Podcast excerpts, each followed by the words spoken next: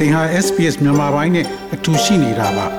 sbs.com.au/burmese မှာပုံမထူးခဲ့တဲ့သတင်းစာမားတွေကိုရှားဖွေပါ2021ခုနှစ်တကောင်စီရင်ကိုဒီကနေ့မှစတင်ထုတ်ဝေလိုက်ပြီးစည်ရင်အင်းတွေအရာဩစတြေးလျနိုင်ငံရဲ့လူဦးရေထဲမှာအပြောင်းလဲတွေဖြစ်နေတာကိုတွေ့ခဲ့ရပါတယ်။ ရိုးရရင်ကျေးမှုကွဲပြားမှုပိုများလာသလိုယုံကြည်သက်ဝင်မှုနဲ့အိမ်ထောင်ရေးတွေမှာလည်းအပြောင်းလဲတွေပိုများနေပါတယ်။တကောင်စီရင်ကို2021ခုနှစ်မှာကောက်ယူခဲ့တာဖြစ်ပြီးဒီမနေ့မှမှထုတ်ပြန်လိုက်တာပါ။တကောင်စီရင်ဖြည့်ဆိုတဲ့သူလူပေါင်း96.1ရာခိုင်နှုန်းဟာဖြည့်ဆိုမှုမှာပါဝင်ခဲ့ကြတာဖြစ်ပြီးတကောင်စီရင်ရာဩစတြေးလျရဲ့လူဦးရေဟာ25တန်းခွဲနီးပါးရှိတဲ့အကြောင်းကိုပြသနေပါတယ်။လွန်ခဲ့တဲ့9နှစ်အတွင်း ဩစတြေးလျနိုင်ငံတဲကိုဝင်ရောက်လာသူတသန်းကျော်ထဲမှာအများစုကကပ်ရောဂါမတိုင်ခင်မှာကြိုတင်ရောက်လာကြသူတွေဖြစ်ကြပါတယ်။။ တကောင်စီအရာပြည်ပမှာမွေးဖွားသူနဲ့ပြည်ပကနေရောက်လာတဲ့မိဘတွေကနေမွေးဖွားလာသူရဲ့ဥယေကစွစုပေါင်းလူဦးရေရဲ့တဝက်ကျော်သွားပြီဖြစ်တယ်လို့ဩစတြေးလျစီရင်အင်ဌာန ABS ကအကြီးအကဲတူဖြစ်သူ Theresa Dickinson ကပြောပါတယ်။ The number of us who are first generation Australians those born overseas and second generation Australians, those with one or, one or both parents born overseas. Australia မှာပထမဆုံးခြေချနေထိုင်သူပထမမျိုးဆက်နဲ့မိဘတစ်ပါးပါးကပြည်ပမှာမွေးဖွားသူကျမလိုဒုတိယမျိုးဆက် Australian တွေရဲ့လူဦးရေက Australia စုစုပေါင်းလူဦးရေရဲ့တဝက်ကျော်ရှိသွားပြီလို့ပြောသွားခဲ့ပါတယ်။ ပြည်ပကနေဩစတြေးလျနိုင်ငံတဲကိုဒီနောက်ပိုင်းအများဆုံးဝင်လာတာကအိန္ဒိယန်တွေဖြစ်ကြပြီးဩစတြေးလျနဲ့အင်္ဂလန်ပြီးရင်တော့တတိယမွေးဖွားမှုအများဆုံးဖြစ်ပြီးတော့အဲ့ဒီနောက်မှာတော့တရုတ်နဲ့နယူးဇီလန်နိုင်ငံမှာမွေးဖွားခဲ့သူတွေကနောက်လိုက်နေပါတယ်အဲ့ဒါအပြင်အင်္ဂလိပ်စာပြီးရင်မန်ဒရင်းတရုတ်ဘာသာစကားကိုဩစတြေးလျမှာဒုတိယအများဆုံးပြောဆိုကြတာဖြစ်ပေမဲ့2016ခုနှစ်နောက်ပိုင်းမှာ အလင်းအမြန်နှုံးနဲ့ပိုပြောလာတာကပန်ဂျာဘီဘာသာစကားဖြစ်ပါတယ်။အင်္ဂလိပ်စကားအနှဲငယ်တတ်တဲ့လူဒါမှမဟုတ်လုံးဝမတတ်တဲ့လူဦးရေက8,52,900ကျော်ရှိတယ်လို့လည်းသိရပါတယ်။အဲ့ဒါအပြင်ဩစတြေးလျနိုင်ငံမှာခရိယန်ဘာသာယုံကြည်တဲ့လူတွေနေပါပြီးတစ်ဖက်မှာတော့ဘယ်ဘာသာကိုမှမယုံကြည်ဘူးလို့ဖြေဆိုတဲ့လူဦးရေကလည်းပိုများလာနေပါတယ်။ Australia National University ANU တက္ကသိုလ်ကလူတွေရဲ့ဖွာချင်းသိချင်းနဲ့လူဦးရေကိုလေ့လာတဲ့ပညာရှင်ဒေါက်တာ Liz Allen ကဖော်ပြထားတာထဲမှာကဩစတြေးလျနိုင်ငံမှာလူမျိုးပေါင်းစုံဘာသာပေါင်းစုံလင်မှုတွေဖြစ်နေနိုင်သေးတယ်လို့ပြောပါတယ် While the majority of Australians are either uh, themselves born overseas or their parents born overseas, that's just the tip of the iceberg. There are many more Australians who identify with uh, either Australia နိုင်ငံကလူအများစုကိုယ်တိုင်ဟာပြည်ပနိုင်ငံမှာမွေးဖွားသူတွေဖြစ်နိုင်တယ်လို့သူတို့ရဲ့မိဘတွေကပြည်ပမှာမွေးဖွားသူတွေဖြစ်နိုင်ပြီးအဲ့ဒါတွေကတစိမ့်တစ်ပိုင်းညတာဖြစ်ပါတယ်။ နောက်ထပ်ဩစတြေးလျအများစုဟာသူတို့ဟာလူမျိုးတစ်ခုခုနဲ့စထားတဲ့ဩစတြေးလျတွေဖြစ်ကြောင်းပြောဆိုလေးရှိကြပြီးဥပမာအာရှဩစတြေးလျဒါမှမဟုတ် African Australian ဒါမှမဟုတ်တခြားတစ်ခုခုနဲ့စနေတာမျိုးကိုသုံးကြတယ်လို့ပြောပါတယ်။အသက်25နှစ်ကနေ39နှစ်အကြား millennials ရဲ့လူဦးရေဟာလည်းအသက်55ကနေ84နှစ်အကြားရှိသူ baby boomers ဦးရေနီးပါးလောက်ရှိသွားပြီဖြစ်တာကိုလည်းတွေ့ခဲ့ရပါတယ်။ အဲ့ဒီအသက်အရွယ်ရှိသူကြားမျိုးဆက်နှစ်ခုစလုံးရဲ့လူဦးရေက9.4တန်းကျော်ကိုစီရှိနေကြပြီး David Gron ရဲ့အဆိုအရအခုဆိုရင် millennials ရဲ့လူဦးရေကပိုများနေလောက်ပြီလို့ပြောပါတယ် On census night the millennials are within a whisker of um, the number of baby boomers and by now it's almost certain that the that the um, millennials have overtaken baby boomers because တကောင်စီညတော့က millennials တွေရဲ့ဦးရေက baby boomers လူဦးရေနာကတ်လိုက်နေပြီးအယောက်9000သာပိုနေတာဖြစ်ပေမဲ့အခုဆိုရင် millennials တွေရဲ့လူဦးရေက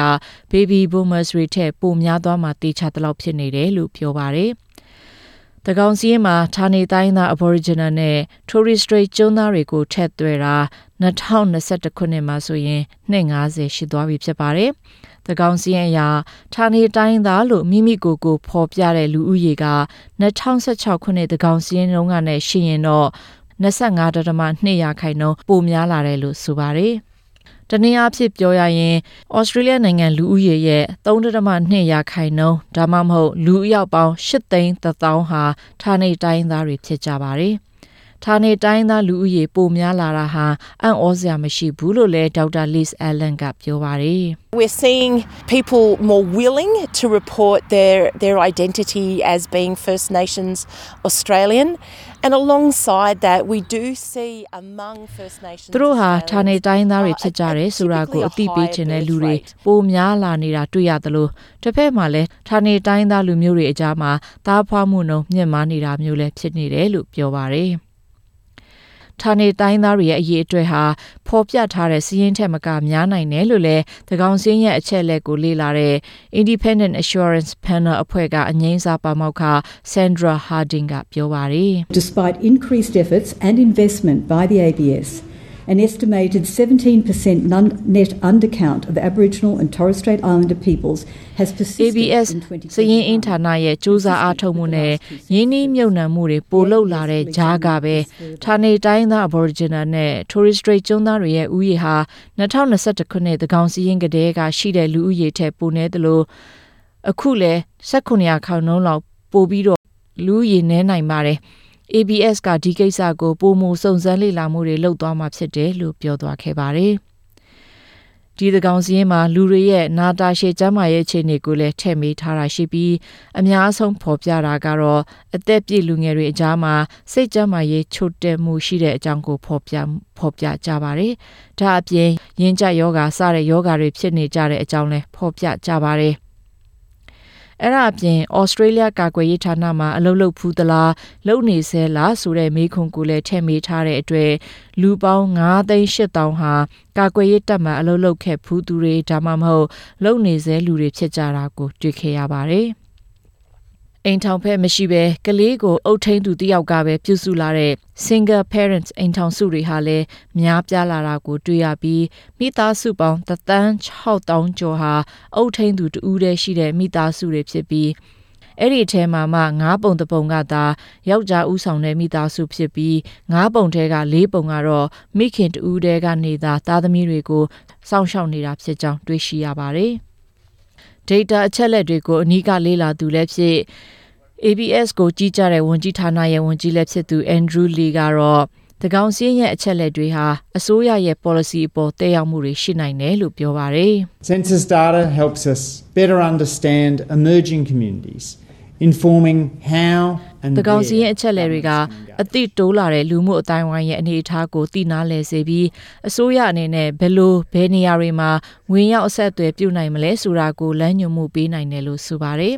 ။တကောင်စီရင်မှာ